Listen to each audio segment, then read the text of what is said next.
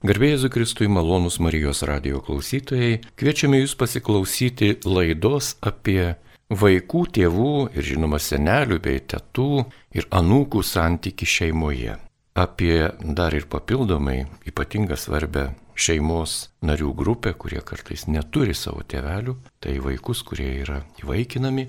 Maloniai mums šiandien sutiko papasakoti Jurgita Pukienė, kuri yra vaikų ir paauglių socialinio centro bei savarankiško gyvenimo namų direktorė. Ją kalbina Liutauras Serapinas ir aš sveikinuosi su gerbiama Jurgita, garbė Jėzui Kristui, laba diena. Labą dieną. Dėkojame, kad sutikote papasakoti mums savo gyvenimo ir darbo aktualijas. Ir tikrai tai bus turbūt naudinga išgirsti radio klausytojui, apie šeimos santykius, kurie šiais laikais tikrai kinta. Ir jeigu mes save atsimename, kokie buvome mažiukai, kaip lakstėme pas bočelius kaime ir kur kitur, tai šiandien to kaimo jau nebėra. Ir daugelis vaikų net nežino, kas yra jų bočeliai. O kai kurie ir žino, kai kurie yra tie laimingieji. Taigi, vaikų ir paauglių reikalai.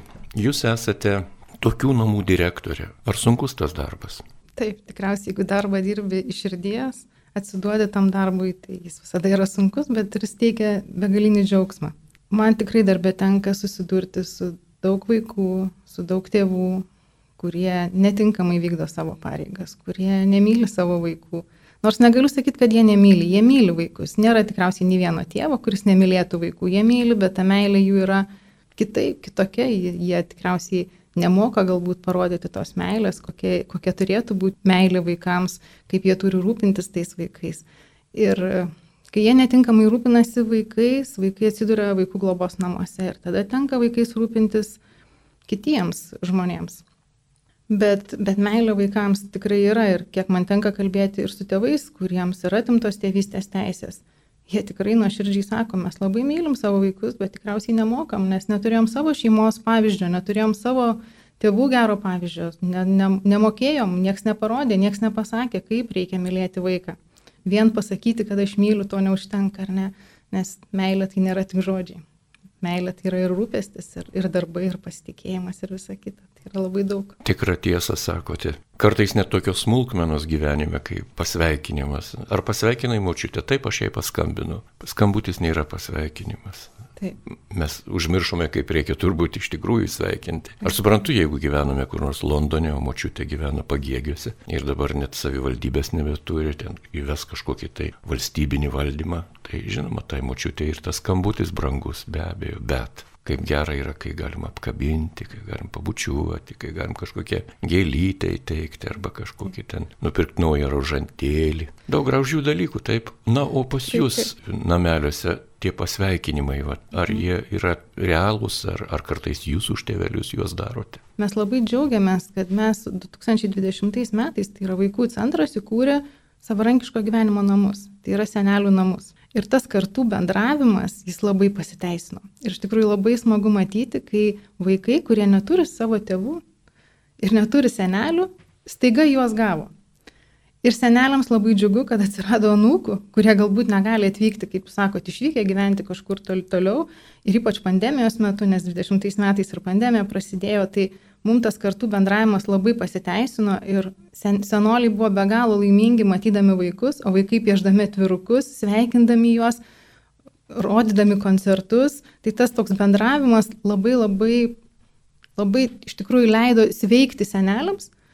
Nes jie nesusirgo, jie neužsidarė, jie labai džiaugiasi vaikų bendravimu, o vaikai labai džiaugiasi gavę iš senelių patirtį, pasidalinimą, pasakojimus įvairiausius prisiminimus iš, iš jų vaikystės, ko vaikai tikrai ne, nebuvo matę ir nebuvo girdėję.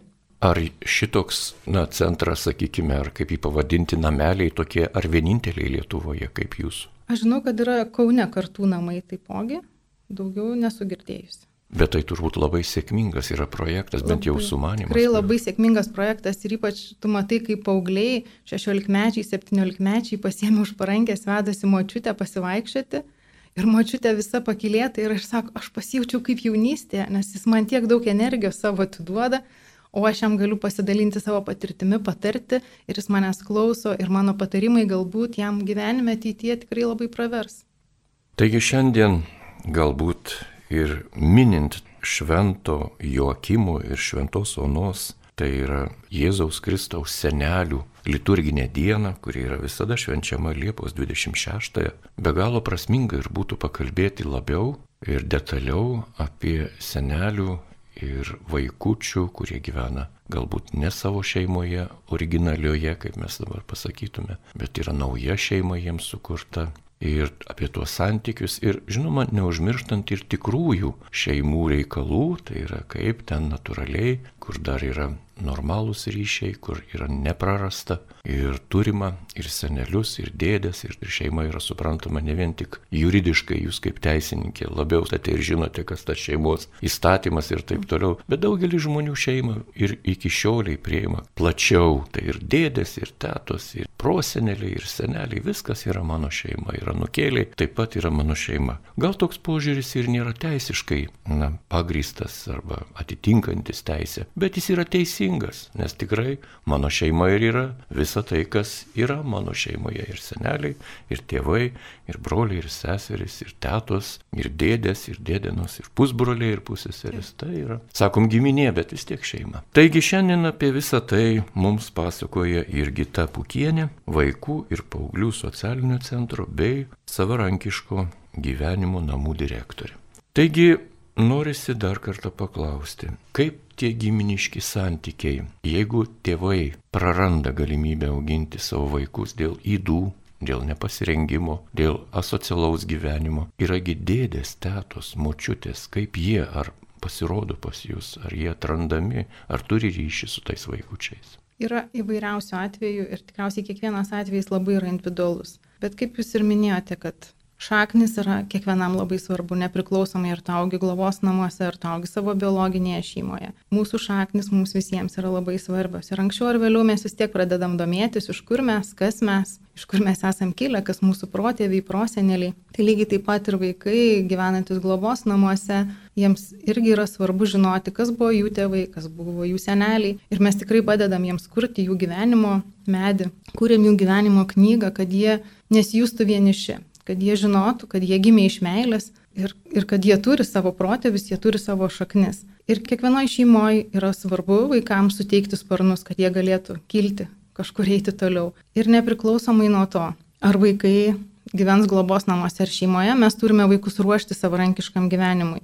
Tai vad bėda yra su globos namais, kad mes beruoždami savarankiškam gyvenimui mes negalim parodyti tikrojo šeimos pavyzdžio, mes negalim parodyti bendravimo motinos su tėvu mes negalim, mes kaip ir stengiamės, ar ne, kad būtų kuo labiau bendruomeniški namai, kad kuo arčiau šeimos modelio, ar ne, bet bet vis tiek tas yra sunku, kai mes neturim šalia senelių, neturim šalia tėvų. Tai bendravimas su senyvo amžiaus žmonėmis tą leidžia suteikti ir leidžia pajusti, kas tai yra močiutė, kas tai yra senelis, kas tai yra pasakojimai iš praeities, kas tai yra istorijos jų gyvenimo. Nes iš to mes kuriam savo gyvenimą. Mes susirenkam nuotrupas iš vienų pasakojimų, iš kitų ir taip sukuriam savo šeimą. Ir tada mes jau žinome, kaip kurti savo šeimą, kaip bendrauti su savo vaikais, kai mes matome gerą pavyzdį dėl bendravimo biologinių tėvų, ar ne, kurie galbūt pasirinko netinkamą gyvenimo kelią, nepasirūpino savo vaikais, tai mes visada stengiamės tą ryšį palaikyti. Kaip ten ir bebūtų, ar tėvai yra šalia ar ne, bet ryšys visada su tėvais išlieka. Netgi kai tėvai miršta, ar ne, mes tą ryšį juntame, mes einame jų lankyti, mes juos prisimename, mes pasimeldžiame. Tai ryšys visada yra gyvas širdyje. Tai mes visada skatiname tą ryšį, skatiname bendravimą, Ir jeigu net negalime surasti tų tėvų, tai sakome vaikams, kad jūs galite parašyti laišką, jūs galite pasikalbėti mintimis, nes mintis kyla į viršų ir galbūt tėvai girdi, ką jūs norite jiems pasakyti, tai visada su meile kalbame apie juos.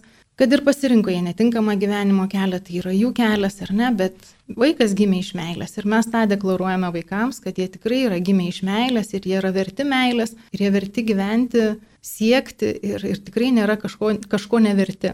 Aš turiu irgi patirties šiek tiek ugdant ir prižiūrint vaikus, kurie yra praradę tėvus. Tai prie Švento Jono kongregacijos Vilniuje tokio vienuolyno, bendruomenės buvo įkurti keturi kaimai, tiesiog nupirktos sodybos ir tuose kaimeliuose priimti gyventi vaikučiai. Ir kadangi tai darė vis tiek religinė bendruomenė, tai ten tikėjimo klausimas buvo labai svarbus ir jį vienaip ar kitaip kiekvieną dieną tą tikėjimo išpažinimą, supratimą mes kažkaip bandydavom tiem vaikučiam parodyti, pateikti. Ir žinoma, vaikai labai imliai paima tas visas rekomendacijas arba patarimus ir va, jeigu yra dievulis, tai jisai ar jis viską gali, viską gali, tai tikrai. Tai tada vaikai puolė melstis Dievui, kad tik kuo greičiau būtų sugražintos jų šeimos, Aišku, šeimos nebuvo sugražintos. Ir turėjom atvirkštinį efektą.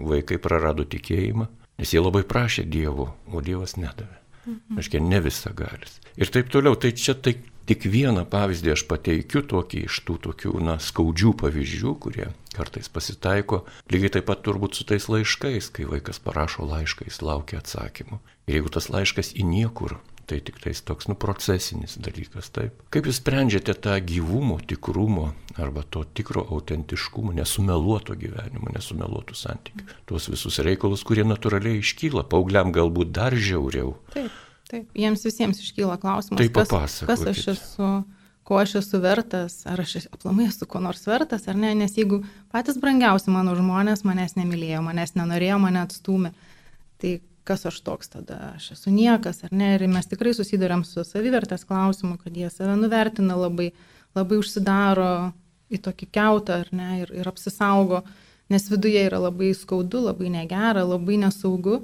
Tai mes ką stengiamės daryti, tai stengiamės nuimti kaltes, kad jūs nesate kalti už savo tėvų veiksmus.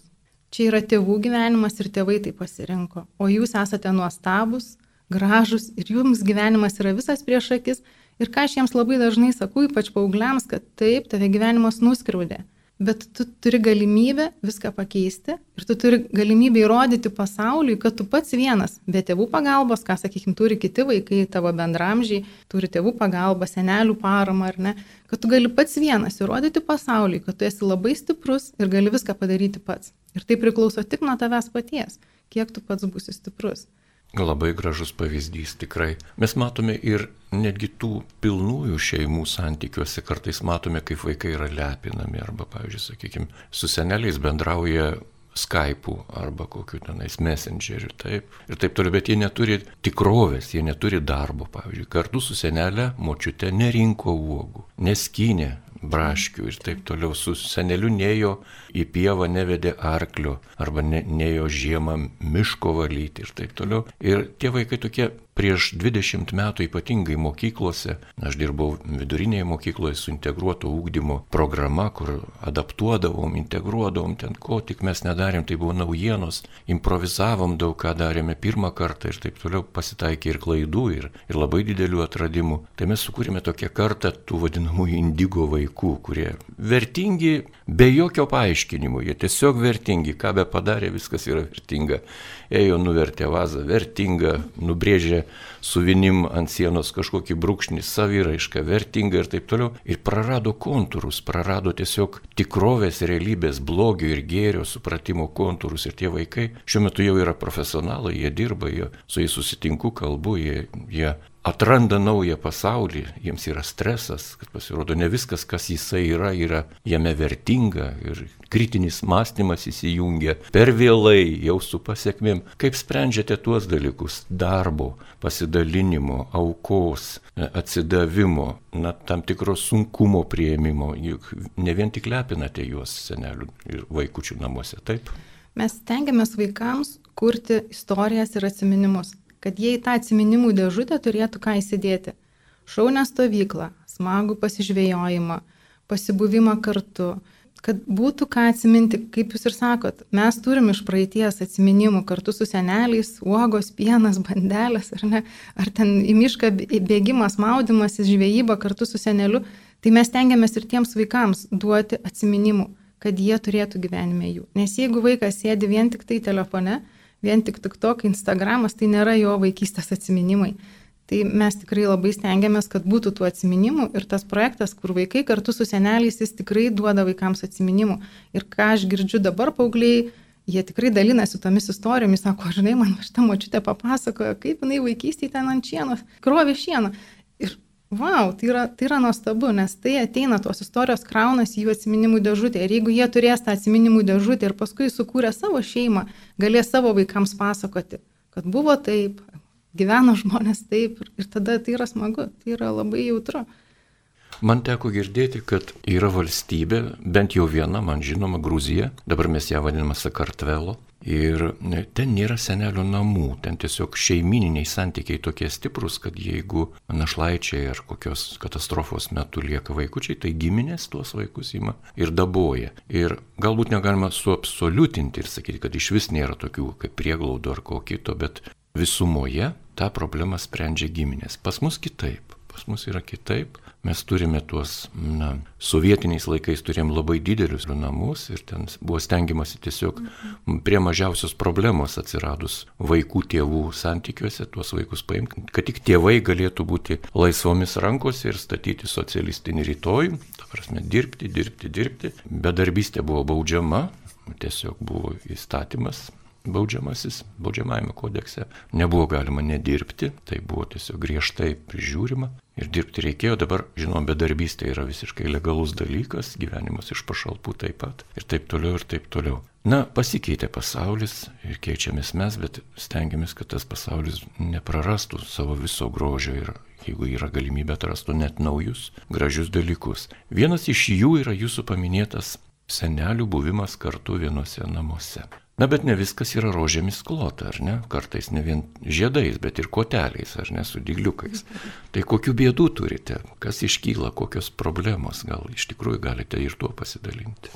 Didelių mes kažkokių problemų dabar neturime, aišku, mums buvo iššūkis didžiulis pandemija, tai čia tikriausiai ir visiems teko su tuo susidurti, o mums ypatingai, nes mes tik atsidarėme 20 metais, sausio mėnesį, vasario mėnesį, turėjom užsidaryti, nes viskas, viskas buvo uždaryta. Tai buvo didelis iššūkis, bet tame iššūkėje mes radome ir, ir gražių dalykų. Tai kaip ir sakau, tą bendravimą vaikų ir senelių, kurį tikrai išrutuliojame, išvystėme, jis labai pasiteisino. Taipogi, nu nežinau, seneliai pas mus, mūsų senelių namuose, nu jie yra kitokie. Jie džiaugiasi savo likusiu gyvenimu, jie yra džiaugsmingi. Ir kartais yra galbūt ir geriau išvažiuoti iš namų, nes te, vaikai yra užimti, dirba ir vienam būti visą dieną yra be galo sunku, o tu čia randi bendrystę, tu randi bendramžių, su kuriais tu gali pabendrauti. Yra užimtumo specialistai, kurie pasirūpina, kad tau nebūtų liūdna, kad tu turėtum užimtumą, turėtum ką veikti. Yra medikai, kurie pasirūpina tavo sveikata, kad, kad tu gerai jaustumėsi. Tai seneliai iš tikrųjų dėkoja ir sako, oi, mums mum labai gerai, mes būtumėm anksčiau žinoję, kad čia tai yra tokie namai, mes, Mes jau seniai čia būtumėm atvažiavę ir nebūtumėm našta savo vaikams. Nes ką išsako seniorai, kad jie nenori būti našta savo vaikams. Jie nori būti pilnaverčiais, jie nori būti džiaugsmingais, jie nori gerai jaustis ir mes tikrai stengiamės jiems sukurti tokias sąlygas, kad jie rastų tą džiaugsmą, stengiamės sukurti šventės, prisigalvojam patys įvairiausių švenčių, kad turėtumėm kur pasidžiaugti, važiuojame į ekskursijas, lankom įsimintinas vietas. Tai Kviečiame pas save į svečius įvairiausius, kurie pasidalintų kažkokią savo patirtimį. Nustengiamės, kad jie džiaugtųsi. Tai kažkokių didelių problemų nėra, kai ateini ir matai, kad žmogus gerai nusiteikęs, kad, jam, kad jis yra pavalgęs, jis, jis yra laimingas, jam nieko neskauda. Ir tie patys vaikai atvažiuoja lankyti savo tėvų, jie džiaugiasi, kad tėvams yra gerai. Nes ne, ir vaikams yra labai kartais net ir vaikus labiau reikia raminti negu senelius, kurie atveža senelius. Ir jaučia didelės kaltės, sako, kaip dabar mes čia savo tėvus paliksim, bet mes tengiamės nuraminti ir sakom, kad jūs ne kažkur atvežat, paliekat. Ne, tai jūs tikrai galite lankyti, galite pasimti į namus, kada tik norite, švenčių dienomis ar, ar atostogoms, ar ne. Bet čia tėvai randa džiaugsmą, randa bendravimą su savo bendramžiais, tai yra puiku. Palėtėte labai įdomų irgi gyvenimo na, tokį puslapį, sakykime, kai jūs prižiūrite senelius, kažkieno tėvus, taip arba mamas. Ir tie vaikučiai irgi pas jūs atvažiuoja ir sakote, gali ir pasimti, parsivežti namo, ir pabūti, ir ką kitą, ir pasidžiaugti. Ir bandote tą suderinti. Ar tai labai sunku yra padaryti? Nesunku visai. Tikrai nesunku. Aš kaip sakau, kai tu priimi žmogų be kažkokių šankstinių nuostatų, priimi taip, kaip yra ir sakai, jeigu jūs norite, jūs viską galite padaryti, tik reikia daryti, nereikia bijoti. Kartais net ir tas pabendravimas per Skype, nuotoliniu būdu, jis yra geresnis negu visai nieko.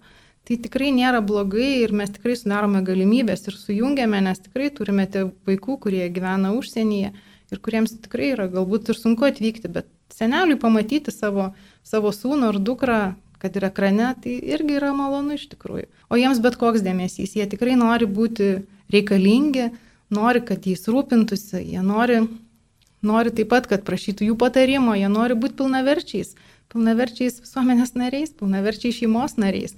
Ir, yra džiugu, kai, kai tas bendravimas pavyksta, mes organizuojam šeimo šventės, kviečiam patys artimuosius, kad atvažiuokit, mes jums šventę ruošiam.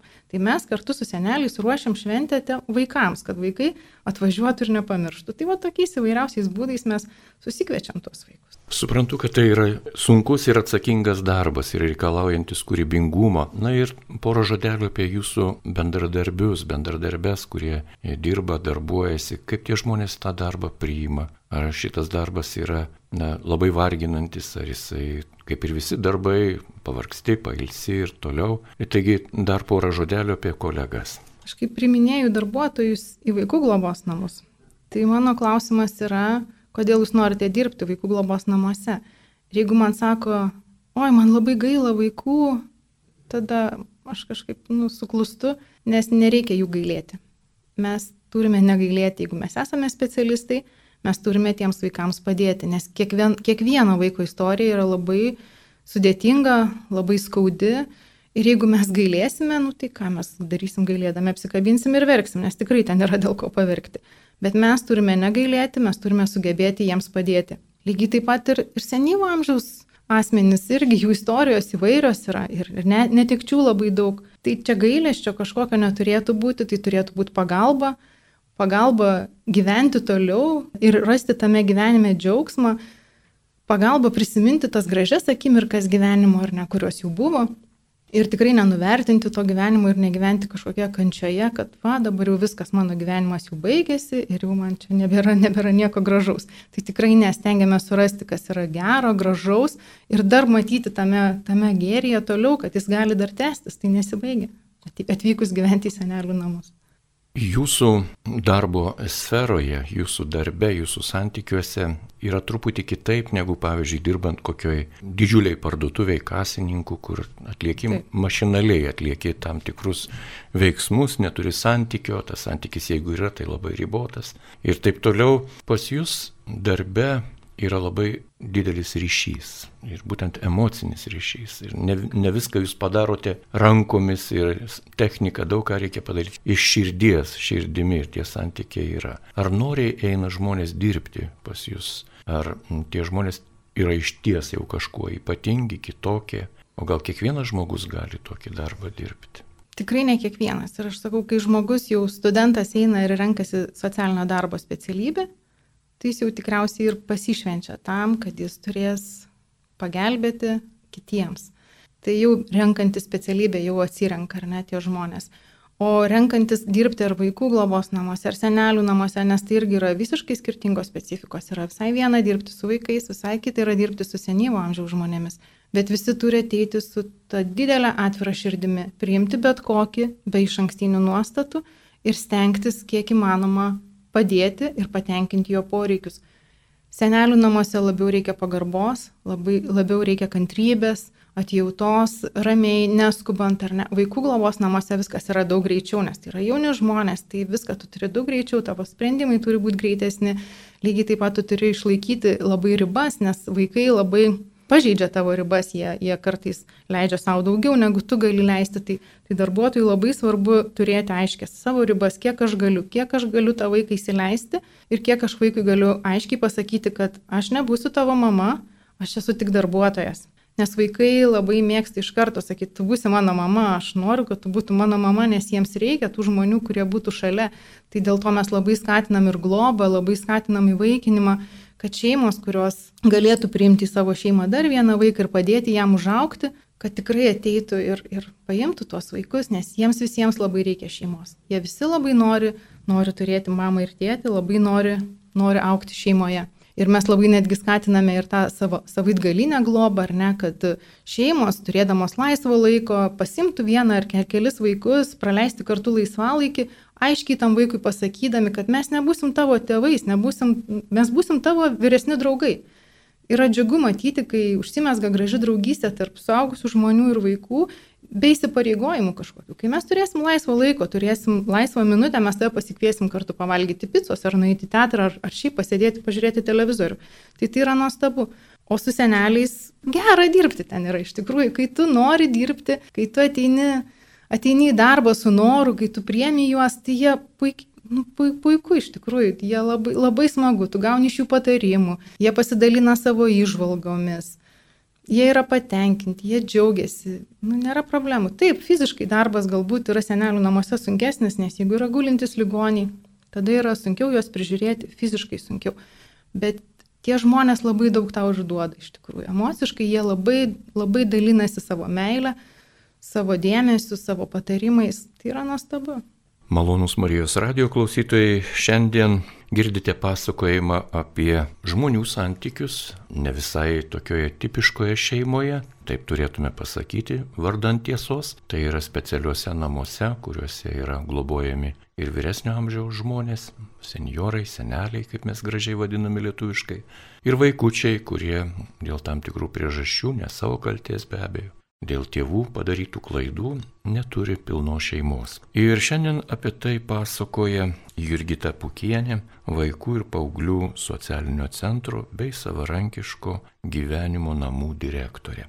Minint šventąjį Joakimą ir šventąją Oną, švenčiausios mergelės Marijos, tėvus, Jėzaus Kristaus senelius, mes taip galime pasakyti. Gal teologiškai ne visai tvirtai skamba šitie sakiniai, bet bet jie yra labai žmogiški ir suprantami ir mūsų, ir bažnytėlėse, ir liaudės mene, ir tapyboje, ir skulptūroje labai gražiai atvaizduoti, randami. Na ir tikėjime, žinoma, mes šitą visą dalyką suprantame kaip šeimos, artumo, meilės, ryšį ir santykius. Ir kalbame apie šeimos santykius. Paimkime dar vieną temą. Tai yra jaunų žmonių, kurių pareiga yra sukurti šeimas ir šiuo metu jie kūrė tas šeimas, bando libdyti ir turėdami tėvus, ir neturėdami tėvų. Gal galėtumėte truputį pasidalinti savo patirtimi, ką galima būtų patarti jauniems žmonėms, būtent jauniems žmonėms ieškantiems santykio, kurie galbūt yra, na, nepatyrę tos meilės šeimoje ir nepatyrę senelių meilės, močiučių meilės, tetų, dėdžių, krikšto tėvų, krikštamočių, kur mes jau visada suprantam, krikšto tėvas ir mama, tai čia dovanos, dovanos, meilė, beribė ir taip toliau. Ir niekiek neironizuoju, iš tikrųjų tai yra labai gražu ir labai reikalinga, pilnatvėj to reikia. Bet yra vaikų, yra paauglių, kurie to nepatyrė ir tą žino tik iš literatūros arba pasakojimų. Taigi ką galėtume patarti jaunesniems žmonėms, kuriems galbūt nesinori bendrauti su vyresnėliais, su seneliais, kurie mato tik tais tą afišą, gulinti žmogų su negeru kvapu, su taip toliau ir taip toliau. Na, ką patarti jiems? Tikrai patarčiau, nebijoti bandyti eiti tą santykį. Ateiti pasavanoriauti į senelių namus ir pamatyti, kad nėra to blogo kvapo, nėra tų žiaurumų, kas galbūt yra iš prisiminimų, iš, iš praeities, tai tikrai yra viskas pasikeitę ir, ir, ir atrasti tą tikrai gerą bendravimą, nes to reikia, to santykio reikia. Be santykio nieko nebus, be santykio nesukursi savo šeimos. Jeigu tu negali gerbti savo tėvų, tai reikia maždaug galvoti taip, kad ir vaikai, matydami, matydami tą nepagarbą, kaip tu negerbi tėvų, tai ir tikėtina, kad ir jie tavęs negerbs, kai tu būsi senatvėje. Tai mes kaip tik turime rodyti pagarbų santyki savo vaikams, kad mūsų vaikai matytų mūsų pagarbų santyki su tėvais. Ir tas kartojasi, mes iš tikrųjų, kaip aš ir minėjau, kad mes kūrėme savo gyvenimą iš, iš to, ką mes patys matėme, kokias mes patys patirtis turėjome. Tai jeigu mes nematome pagarbaus santykio su tėvais, tėvai su savo tėvais, vaikai su seneliais, ar ne, tai tada labai tikėtina, kad ir vaikai su mumis neturės to pagarbaus santykio. Juk viskas sukasi ratu, kaip aš sakau.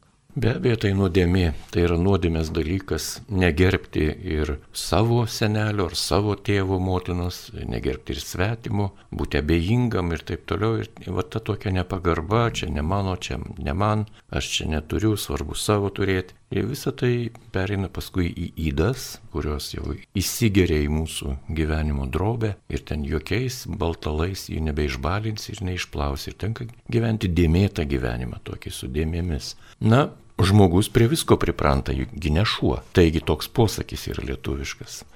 Mes sakome, žmogus ir kariamas pripranta. Baisus tie posakiai, bet jie yra atėję iš gyvenimo ir sukurti ne, ne šiaip dekoratyviai, o tikrai per patirtį. Ir minėjote jauną žmogų, kuriam tikrai reikia drąsos kartais, tikrai reikia drąsos. O iš kur tos drąsos gauti? Ir pavyzdžio nėra ir taip toliau. Tai reikia bendrauti, tai galbūt reikia kažkokiuose dalyvauti, kaip jūs sakote, stovyklose, mokymo programuose, keliauti, žiūrėti, kaip kitose valstybėse sprendžiami tie klausimai. Ar jūs turite ryšių su kitom valstybėm, senelių namais, vaikučių namais ir taip toliau. Taip, mes bendradarbiaujame su Italijos namais ir visai neseniai buvome išvykę į Milaną ir turėjom susitikimą su globojančių šeimų asociacija.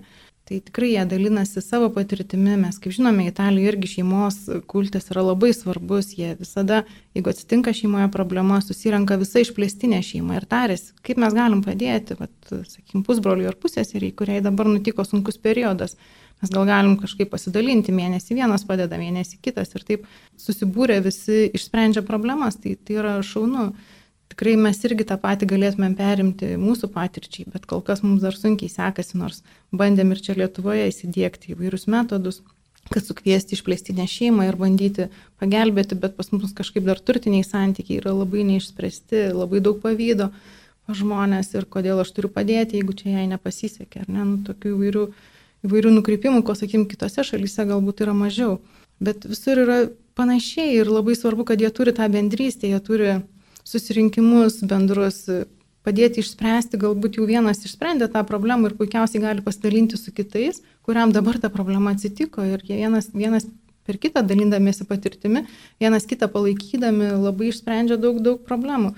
Tai iš tikrųjų mes esame perėmę tą ir tikrai turime savipagalbos grupės, tai jas organizuojame ir jaunuoliams savipagalbos grupės, kad jie pajustų, kad jie nėra vieni, kad nesu aš vienas kažkoks išskirtinis, kuriam man taip nepasisekė. Yra ir daugiau vaikų ir pažiūrėk, kaip puikiai sekasi ir, ir stojo mokytis ir, susi, ir susirado darbą ir susikūrė, sukūrė savo šeimą ir puikiausiai viskas, viskas sekasi ir tai nėra kaž, kažkas jau viskas sustoti ir dabar verkti ir gailėtis, kad man taip nepasisekė, nepavyko, tikrai ne ir tu gali pasižiūrėti kitų patirtis, eiti tolyn, eiti į priekį ir stiprėti ir atsiverti tikėti, kad viskas, viskas bus gerai. Taip, taip, jeigu jau skaudu, paverk, bet paverkęs vėl šipsokis ir ieškok draugų, ieškok pažinčių, ieškok artimų su savo patirtimi, su tokia patirtimi kaip tavo, panašia ar geresnė ar blogesnė. Nebūk vienas, neužsidaryk, nedepresuok, taip. neskriausk savęs, negalvo, kad čia viskas jau pabaiga, dugnas taip, ir nebėra kelio. Yra kelias, yra gyvenimas, yra jis toks platus, toks gražus, ne viską, ką čia mes Lietuvoje darome, yra gerai ir ne viskas yra pavyzdiniai tiesiog dėl menko bendravimo, dėl ilgos labai izolacijos esame atitolę nuo pasaulio. Kartais net ir juokas ima tuos dalykus, kuriuos manome turi labai vertingus, kitos valstybės jau senai yra užmiršusios, nes tai tik yra prisirišimai ir trukdžiai. Ir pasaulis yra platesnis negu mūsų dabartinis supratimas ir tikrai, tikrai reikia gyventi ir žiūrėti plačiai ir kuo kitu, kvepuoti nepažintų, ieškoti nepažinto, nepažinto ir teisingo. Ir laidos pabaigai dar vieną mažą temą palieskime. Kaip pasiruošti senatvėje. Tai žinoma labai plati tema, reikėtų galbūt poras laidų, nes ir Marijos radio klausytojų tarpe yra daug seniorų, daug vyresnio amžiaus žmonių, kurie galėtų irgi patarti. Dažniausiai mes patarėme iš klaidų, taip savo patirtų, bet galime patarti kartais ir iš girdėtų, matytų labai sėkmingų projektų. Taigi kaip ruoštis senatvėje, jūsų patarimai? Aš nežinau, ar reikia jai ruoštis. Na, jie ateina, jie ateina ir ją reikia priimti tikriausiai. Priimti tą amžių, priimti tą savo patirtį. Nu, ką tu čia pasiruoši? Nu, nieko tu čia nepasiruoši, iš tikrųjų lagaminėlio nesusidėsi, va susidėjau senatvį. Nu, taip neišeis. Tai tu ruošiesi senatvį, kurdamas santyki, kurdamas prisiminimus savo vaikams, kurdamas istoriją, atsiminimus ar ne kažkokius potyrius, kuriuos tu ir nešiesi su savimi. Ir, ir, ir po to, va, tu būdamas jau senatvėje, ar ne, tu prisimeni tuos puikius laikus, puikius įvykius, ar ne, kažkokias keliones, kurias tu praleidai kartu su vaikais. Tai va čia ir yra tavo bagažas, ką tu nešiesi į senatvę, prisimindamas puikų tą savo gyvenimą, gražias akimirkas, O kartu, kai tu esi sukūręs ir vaikams atsiminimų dėžutę, tai ir tie vaikai kartu ateina pas tave ir jie tavęs nepamiršta, nes jie prisimena tave, nes tu esi sukrovęs jiems turtą, prisiminimų turtą, nematerialų turtą turiu omenyje. Jūs, Jurgita, labai teisingai ir labai gražiai paminėjote, kad neįmanoma senatvėje lagaminėlio pasiruošti. Dar vieno nešmens, dar vieno krūvio, dar vieno svorio, kurį reikėtų kaip sraigiai ten vilkti, jau kai nebėra jėgų. Iš tiesų taip, bet senatvės reikia siekti, nes tikrai labai daug žmonių nepasiekia senatvės tiesiog žūna, miršta, kažkaip susirga, tampa neįgalus tą senatvės pilnatvę priimti, pasidžiaugti, nes tai yra tikrai džiaugsmo metas. Ir pasiekti 80 metų tai yra labai didelis pasiekimas. 90 metų pasiekus jūs esate olimpiniai čempionai. Ir daug žmonių tikrai to nepasiekė, jie, jie neturėjo tos galimybės, prarado ją dėl kitų kalties, dėl savo kalties. Na, tikrai buvo labai smagu išgirsti apie jūsų projektą, kai jūs bandote suderinti ir vyresnio amžiaus globos paslaugą ir vaikų, vaikučių, kurie neturi pilnos šeimos, rūpesti viename. Ką savo palinkėtumėte laidos pabaigai? Sunku tikriausiai linkėti savo stiprybės, galbūt kantrybės. Na ir tos nesibaigiančios meilės ir atviros širdies, nes kai tu imi darbus atvirai, su meilė, tai jie kažkaip labai gražiai savaime išsisprendžia ir jie nesudaro tau tokių didelių sunkumų, ar ne, kaip kai tu darai darbą nenorėdamas, nepriimdamas jo ir bandydamas visai patidėlioti, tai aš linkėčiau va to dar daugiau stiprybės, daugiau atviros širdies ir viskas išsispręs, viskas bus gerai, Visus, visas negandas mes nugalėsime, jeigu, jeigu norėsime tą padaryti. Ir čia yra požiūrio dalykas, aš sakau. Labai gražus jūsų požiūris ir labai šio laikiškas jūsų šūkis. Mes nugalėsime. Jisai šiandien skamba truputį kitaip, giliau, stipriau, labiau suprantamai. Tikrai nugalėsime visus iššūkius gyvenimo ir apie senatvės ir jaunystės džiaugsmą šiandien su mumis kartu švenčiant švenčiausios Dievo motinos, mergelės Marijos, tėvų šventos Onos ir Joakimo dieną minint pasidalino Jurgita Pukienė, vaikų ir paauglių socialinio centro bei savarankiško gyvenimo namų direktorė. Dėkojame jai.